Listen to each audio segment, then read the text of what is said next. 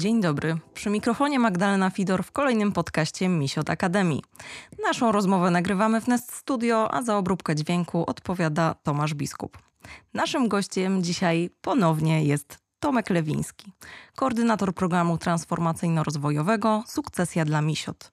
Nie wystarczy lek na punktowe rozwiązanie problemu, potrzebne jest kompleksowe podejście transformacyjne. Cześć Tomku. Cześć, dzień dobry Magdo. Witam wszystkich słuchaczy. W poprzednim podcaście zatytułowanym Mądry Nestor równa się skuteczny menadżer. I o co zadbać powinien Nestor, nim ogłosi scenariusz sukcesji i przedstawi sukcesora, poszukiwaliśmy odpowiedzi na pytania, czym różni się skuteczny menadżer od innych menadżerów, zatem czym różni się mądry Nestor od innych, którzy zabierają się za przeprowadzenie sukcesji w swojej firmie.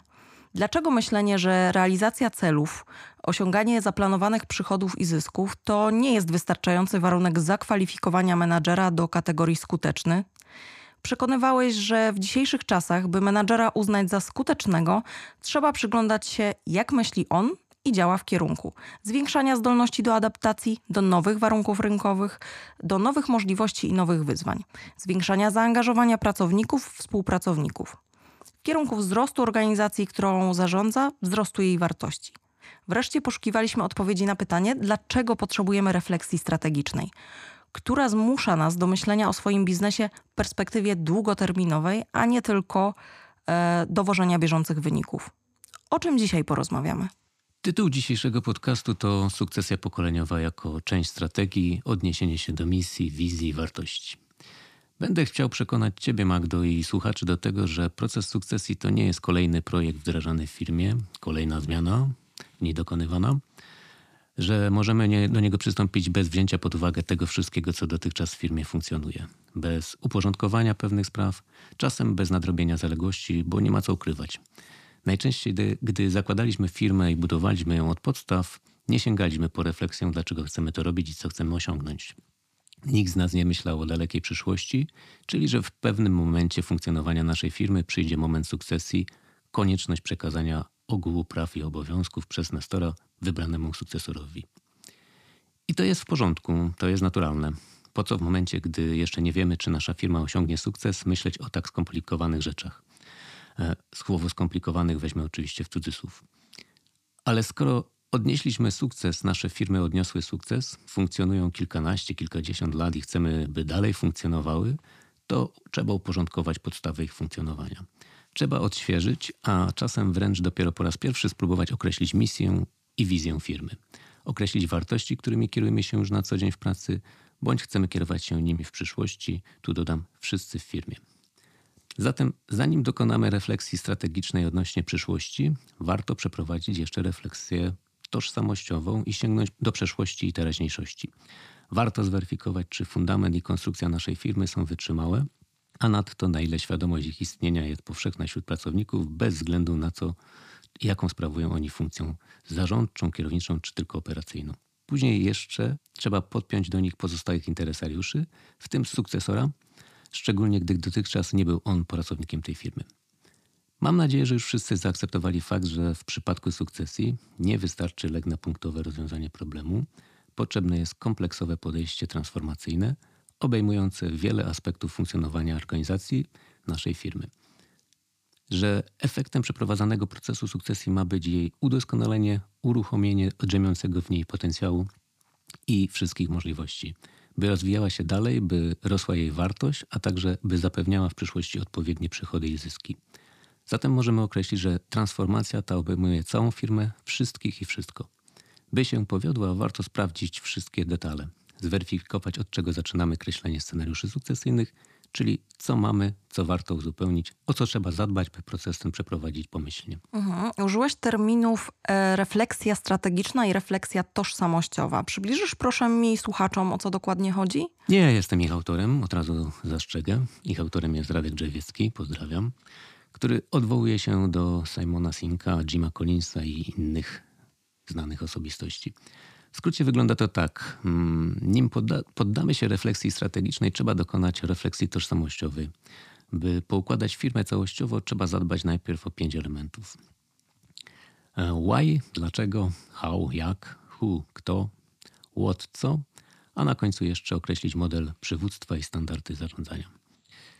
Zaczynamy od określenia, dlaczego robimy to, co robimy, czyli przeprowadzamy refleksję tożsamościową. Weryfikujemy trzy elementy tego synkowego why. Po pierwsze, pierwszy element to misja, czyli dlaczego robimy to, co robimy. Dlaczego istniejemy lub w co wierzymy jako zespół, właściciele, menadżerowie.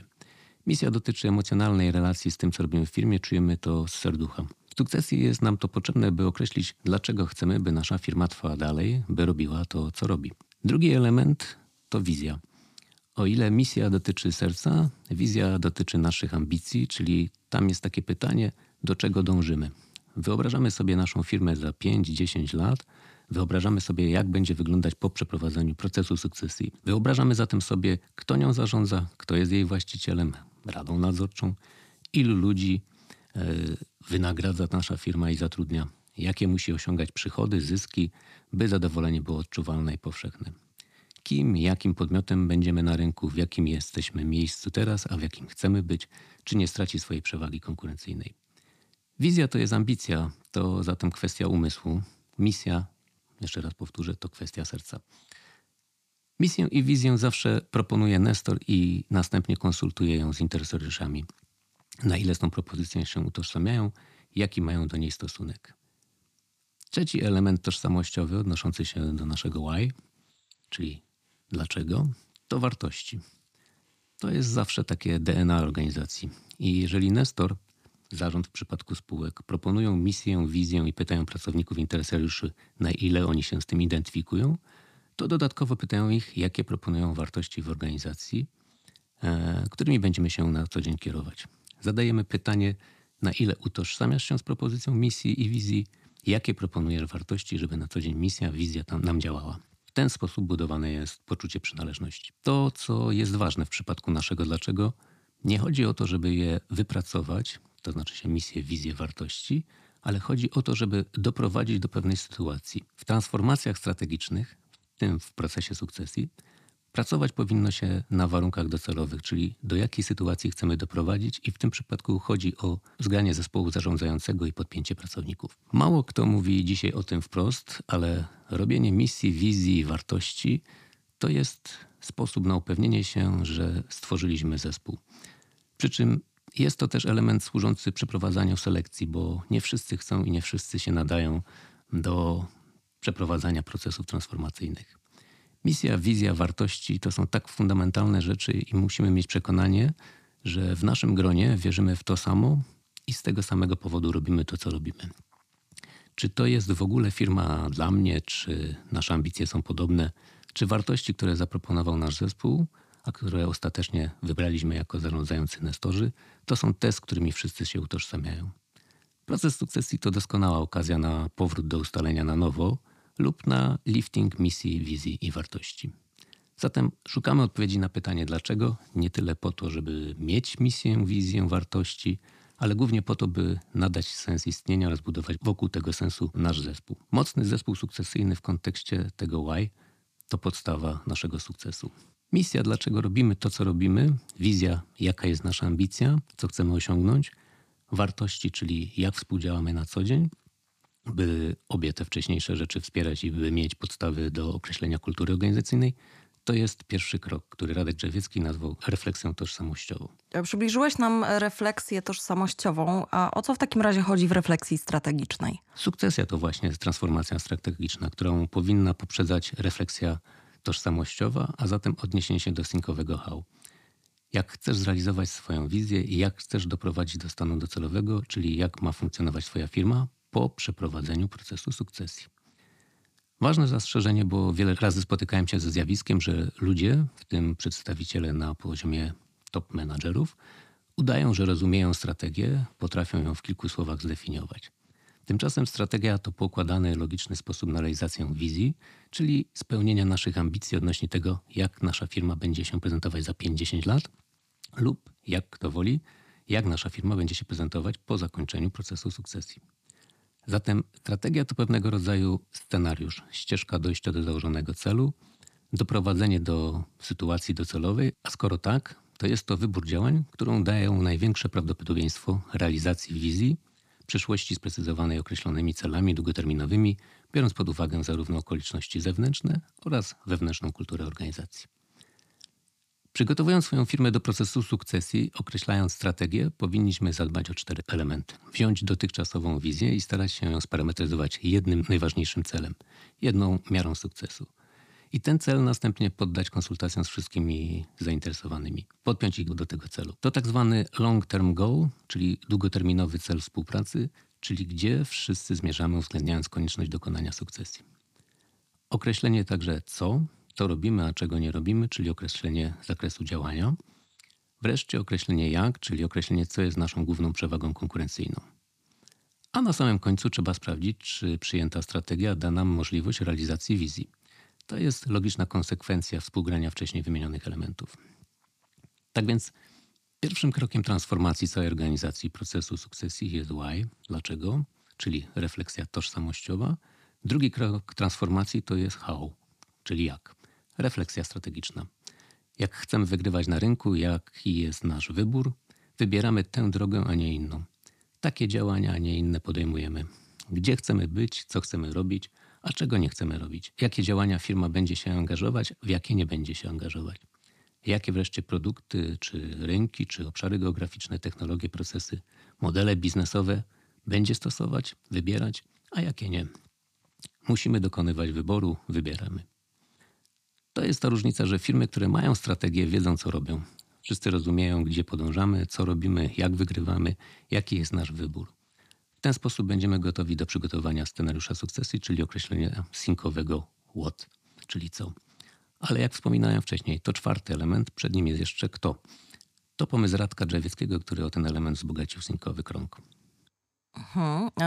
Odnotowałam, mm, że mamy dlaczego, jak, kto i co czyli określenie modeli przywództwa i standardów zarządzania.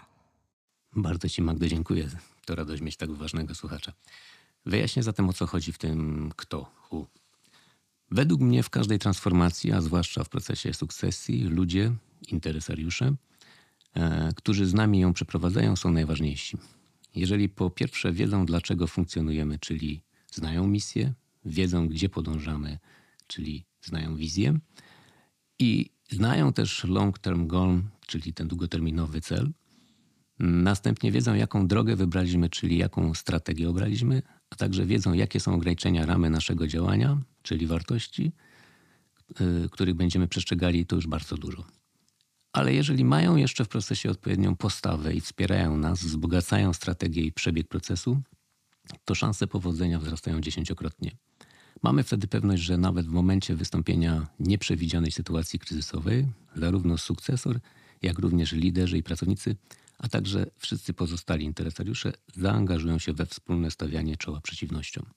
Mamy dobrze zorganizowany zespół sukcesyjny i bez względu na pełnione w nim role, w oparciu o wspólnie ustalone reguły i standardy, ci zainteresowani i zaangażowani zadbają o swoją przyszłość i dalszy rozwój firmy w tym także o zapewnienie odpowiednich zysków. I teraz na moment stop.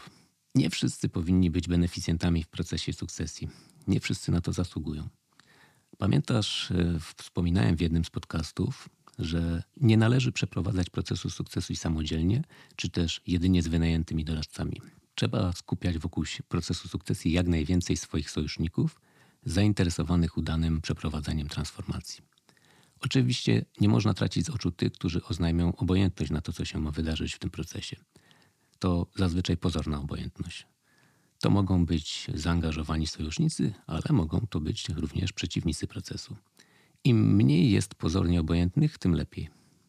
Wreszcie trzeba wyeliminować przeciwników, tych, którzy mogą nam przeszkodzić w realizacji procesu sukcesji, którzy nie podzielają naszej misji i wizji, obowiązujących wartości, negują przyjętą strategię. Ustalenie i wspólne decydowanie, kto chce, a kto nie chce, to super ważne w procesie sukcesji. Wybór zespołu sukcesyjnego to podstawowy obowiązek Nestora. Koniec i kropka. To jest pora na czwarty element, czyli co? Tak, e, jest pora na synkowe what, czyli opracowanie strategii w podziale na dwie perspektywy. Ponownie powołam się na Radka Drzewieckiego, który what podzielił na run the business i change the business. Run the business, czyli jak dzisiaj dowozimy wyniki, wartość dla klientów, dywidendy dla właścicieli tu i teraz. Ale to tak to, jak będziemy dostosowywać organizację do strategii, to jest change the business. Czyli w skrócie, e, procesy i projekty, model biznesowy, struktura organizacyjna, kaskadowanie strategii to wszystko jest run the business, nasza codzienność. A change the business to jest adaptacja, zmiana, dostosowanie się do przyjętego kierunku, czyli nasza przyszłość. Dzisiaj nie ma czasu przybliżać, co Radek miał na myśli, ale obiecuję, wrócimy do tego w trakcie programu. W Watsynkowym głównym zadaniem zarządzania organizacją tu i teraz, czyli the business, jest zbudowanie powtarzalności na niepowtarzalnym rynku, nieprzewidywalnym rynku. Najlepsi szefowie potrafią doprowadzić do takiej sytuacji, niezależnie od tego, jaka jest wichura na zewnątrz. Firma robi swoje, działa w sposób przewidywalny i powtarzalny. Change the business to są przede wszystkim projekty i nie chodzi tu jedynie o kreowanie nowinek. To, co daje przewagę konkurencyjną, pcha firmy do przodu, to wypełnianie luk strategicznych, dbałość o obszary koncentracji i przewagi konkurencyjne, ale także eliminacja marnotrawstwa. Change the business to jest dostosowywanie organizacji, żeby w przyszłości lepiej robiła to, co robi na co dzień, czyli run business. Projekty powinny wynikać tylko i wyłącznie z tego, jaki ja mam dystans pomiędzy tym, co chcemy osiągnąć w przyszłości, w przyjętej strategii, a tym, co jest tu i teraz. W procesie sukcesji te dwie perspektywy też musimy pogodzić, odpowiednio gospodarować możliwościami inwestora i sukcesora. I choć sam moment sukcesji to przyszłość, to przecież równie ważne jest, jak będziemy realizować i przeobrażać codzienność, teraźniejszość. Nie możemy zaniedbać teraźniejszości, musimy zadbać o przyszłość. Element numer 5 model przywództwa i standard zarządzania. Czy to są dwie różne sprawy? W mojej opinii tak. Moim zdaniem wynika to z braku zrozumienia, czym przywództwo w ogóle jest i czym różni się od zarządzania. Mamy później taki efekt w większych i średnich firmach, że te organizacje nie są jednym organizmem, tylko zlepkiem rywalizujących ze sobą struktur, bo przecież każdy lider ma swój pomysł na sukces. Tak więc, jeśli firma chce być stabilna, przyciągać ludzi, to musi być powtarzalna, musi być przewidywalna. Nie można się motać. Musi zapewnić, że jest jedną organizacją, pracować intensywnie nad świadomym przywództwem i skutecznym zarządzaniem w oparciu na modelu, na formule wypracowanej wcześniej. Czy to ubezwłasnowolnia ludzi? Absolutnie nie. Zupełnie odwrotnie, bo ludzie mogą w ramach modelu przywództwa i w ramach standardu zarządzania być coraz lepsi i tam jest bardzo dużo pola do eksperymentowania. Ale jak mamy ustalone ramy, to każdy wie, co go czeka, wszystko jest przewidywalne. Jeśli zatem zależy nam na trwałości zmiany, na zbudowaniu kultury organizacyjnej, która jest żywa na co dzień, do tego będziemy musimy używać przywództwa. To prowadzi do trzech warunków docelowych. Wszyscy mają wspólne cele, nikt nie musi się niczego domyślać, czyli usinka why, how i what. Oraz każdy rozumie swoją rolę w organizacji firmy. W kontekście standardu zarządzania, czyli tego drugiego elementu, mam na myśli sposób pracy menadżera na co dzień, czyli codziennych rutyn, jak działamy w sposób powtarzalny. Zarządzanie jest to run the business, czyli to jest sposób pracy menadżera od poniedziałku do piątku. Ten sam, a przynajmniej bardzo podobny sposób prowadzenia zespołu ludzi na co dzień. Chodzi o to, żeby organizacja była powtarzalna i przewidywalna. Jak to się ma do procesu sukcesji? Te same zjawiska temu towarzyszą. Im bardziej jest on zrozumiały, przewidywalny, tym lepszy będzie odbiór wśród interesariuszy. Im bardziej będzie on kontynuacją dotychczasowych modelu przywództwa i dotychczasowych standardów zarządzania, nie będzie rewolucyjnych zmian, tym organizacja płynniej przez ten proces przejdzie. Pamiętajmy, nieunikniona jest zmiana lidera. Zatem, gdy sukcesor będzie kontynuatorem w zakresie modelu przywództwa i standardów zarządzania, które prezentował wcześniej Nestor, tym efekty będą szybsze i lepsze. Przywództwo i zarządzanie powinny wynikać z jednego pomysłu na rolę menadżerów w organizacji. Tutaj czas, żebyśmy podsumowali tak naprawdę cały cykl, który, o którym rozmawiamy już od e, kilku podcastów. E, muszę Cię prosić, żebyś właśnie opowiedział um, i dodał takie swoje podsumowanie i także powiedział parę słów na temat tego, co będzie dalej. Na co możemy liczyć. Hmm. Mamy za sobą pięć podcastów. Pierwszy to była sukcesja dla Minisiot, czyli oryginalny, dedykowany program transformacyjno-rozwojowy.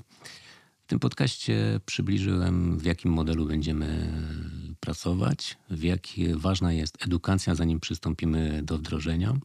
Sygnalizowałem wyraźnie, by wszyscy uczestnicy wiedzieli, że chcemy zabrać jak najmniej ich e, czasu na zajęcia teoretyczne. Wszystkie tego typu rzeczy, które mogą przeczytać, obejrzeć, wysłuchać, będą robione za pomocą dostępnych środków techniki. Kiedy będziemy się spotykali już, to będą to spotkania, które będą skupione na wypracowaniu konkretnych dokumentów. A jeszcze między tym wszystkim będą dwie ważne rzeczy. To znaczy będzie miejsce na indywidualne konsultacje i każdy uczestnik będzie miał do nich prawo w ramach programu. I ważna rzecz, będą też zadania domowe do odrabiania, ale to wszystko będzie się działo pod naszym czujnym okiem. W drugim odcinku naszych podcastów, mm, który nazywaliśmy Sukcesja Pokoleniowa jako najważniejszy proces transformacji w organizacji, właściwie przybliżyłem, czym jest sukcesja pokoleniowa w przedsiębiorstwach. Użyliśmy też definicji, wyjaśniając, kim jest Nestor, kim jest sukcesor, kim są interesariusze. Zastanawialiśmy się, dlaczego sukcesja to temat, który uważany jest za bardzo trudny i który dodatkowo w wielu przypadkach kończy się niepowodzeniem, a więc szukaliśmy, jak wyeliminować przyczyny tego niepowodzenia. Kiedy zazwyczaj powstaje potrzeba sukcesji w przypadku przedsiębiorców, to była kolejna rzecz, którą przybliżaliśmy. Wreszcie, czym sukcesja odróżnia się od innych transformacji, wdrażanych zmian organizacyjnych i dlaczego jest tak najważniejszą transformacją w organizacji, transformacją w firmie. To wszystko w drugim odcinku. Odcinek trzeci to było rozwiewanie obaw. Bo skąd tyle obaw? Kto mówi, że sukcesja to nadzwyczaj trudne wyzwanie dla przedsiębiorców? W tym odcinku właściwie odwracałem pytania i mówiłem o możliwościach, jakie niesie ze sobą e, proces sukcesji i jego wdrożenie w firmie. E, mówiłem o tym, że jest to trudne wyzwanie dla przedsiębiorców, ale jeżeli popatrzymy, że może naszą firmę poprowadzić o szczebel wyżej, to warto go podjąć, nie odkładać na później, tylko zająć się nim tu i teraz. E, mówiliśmy też, kiedy sukcesja ma małe szanse powodzenia, a właściwie mówiliśmy o tym, kiedy ma duże szanse powodzenia. Mówiliśmy o najczęstszych błędach w procesie sukcesji, a także o dobrych praktykach. Podcast numer 4 to już dzisiaj, Magdo, przybliżyłaś, więc mądry Nestor, czyli równa się skuteczny menadżer. O co zadbać powinien Nestor, nim ogłosi scenariusz sukcesji i przedstawi sukcesera. Więc mówiliśmy o tym, czym różni się skuteczny menadżer od innych menadżerów, czym różni się mądry Nestor od innych Nestorów, którzy zabierają się za przeprowadzanie sukcesji w swojej firmie. E, rozmawialiśmy o tym, e, że realizacja celów, czyli osiąganie zaplanowanych przychodów i zysków, to w dzisiejszych czasach nie jest wystarczający warunek do kwalifikowania menadżera do kategorii skuteczny. Równie ważne są zwiększenie zdolności do adaptacji do nowych warunków rynkowych, do nowych możliwości i nowych wyzwań, które cały czas nam towarzyszą. E, równie ważne jest zwiększenie zaangażowania pracowników, współpracowników i mówiliśmy o tym, że każdy menadżer powinien kierować swoją organizację w kierunku wzrostu jej wartości. To wszystko dotyczy też procesów sukcesji, bo na tym powinno zależeć każdemu nestorowi, żeby dobrze uporządkował swoją firmę i przygotował e, odpowiednio do, do, momentu przekazania jej sukcesorowi. No i wreszcie na końcu poszukiwaliśmy odpowiedzi na pytanie, dlaczego potrzebujemy refleksji strategicznej, a więc to, co dzisiaj już było w dzisiejszym odcinku. Tyle w pięciu podcastach. Tomku, serdecznie dziękuję za tak e, ogromną dawkę wiedzy, którą przekazałeś nam w tych pięciu podcastach. E, myślę, że temat sukcesji nie jest już zagadką dla większości osób, które odsłuchały naszą, naszą serię. E, ja mogę powiedzieć ze swojej strony, że mam tutaj przed sobą plan, jaki kreuje się na, na, na przyszłość, czyli co będzie się działo dalej. Myślę, że mogę uchylić rąbka tajemnicy, że pojawią się filmy wideo w seriach, e, że pojawią się konsultacje z Tomkiem. E, będzie też opracowywanie dokumentów, chociażby planu zarządzania kryzysowego. Także tych rzeczy, które są do zrobienia w programie, programie transformacyjno-rozwojowym jest bardzo dużo. E, zachęcam serdecznie do wzięcia udziału w warsztatach, e, które odbędą się w Zakopanem. A już za niedługo w naszym sklepie Misiot pojawi się możliwość zakupienia właśnie programu transformacyjno-rozwojowego prowadzonego przez Tomka. Serdecznie zapraszam. I jeszcze raz dziękuję Tomku. Dziękuję bardzo. Ja również zapraszam Państwa i tak jak mówiłem we wcześniejszych podcastach, to, co się nauczymy w czasie tego programu, to nie tylko kwestia dalekiej przyszłości. Ta wiedza i te umiejętności mogą się przyczynić do tego, że będziecie stosować to już tu i teraz i powinny się pokazać lepsze wyniki i lepsze wskaźniki jakościowe. Także zapraszam serdecznie. Dziękuję, Magdo. Ja również zapraszam, również dziękuję. Zapraszamy do kolejnych odcinków Misiot Akademii.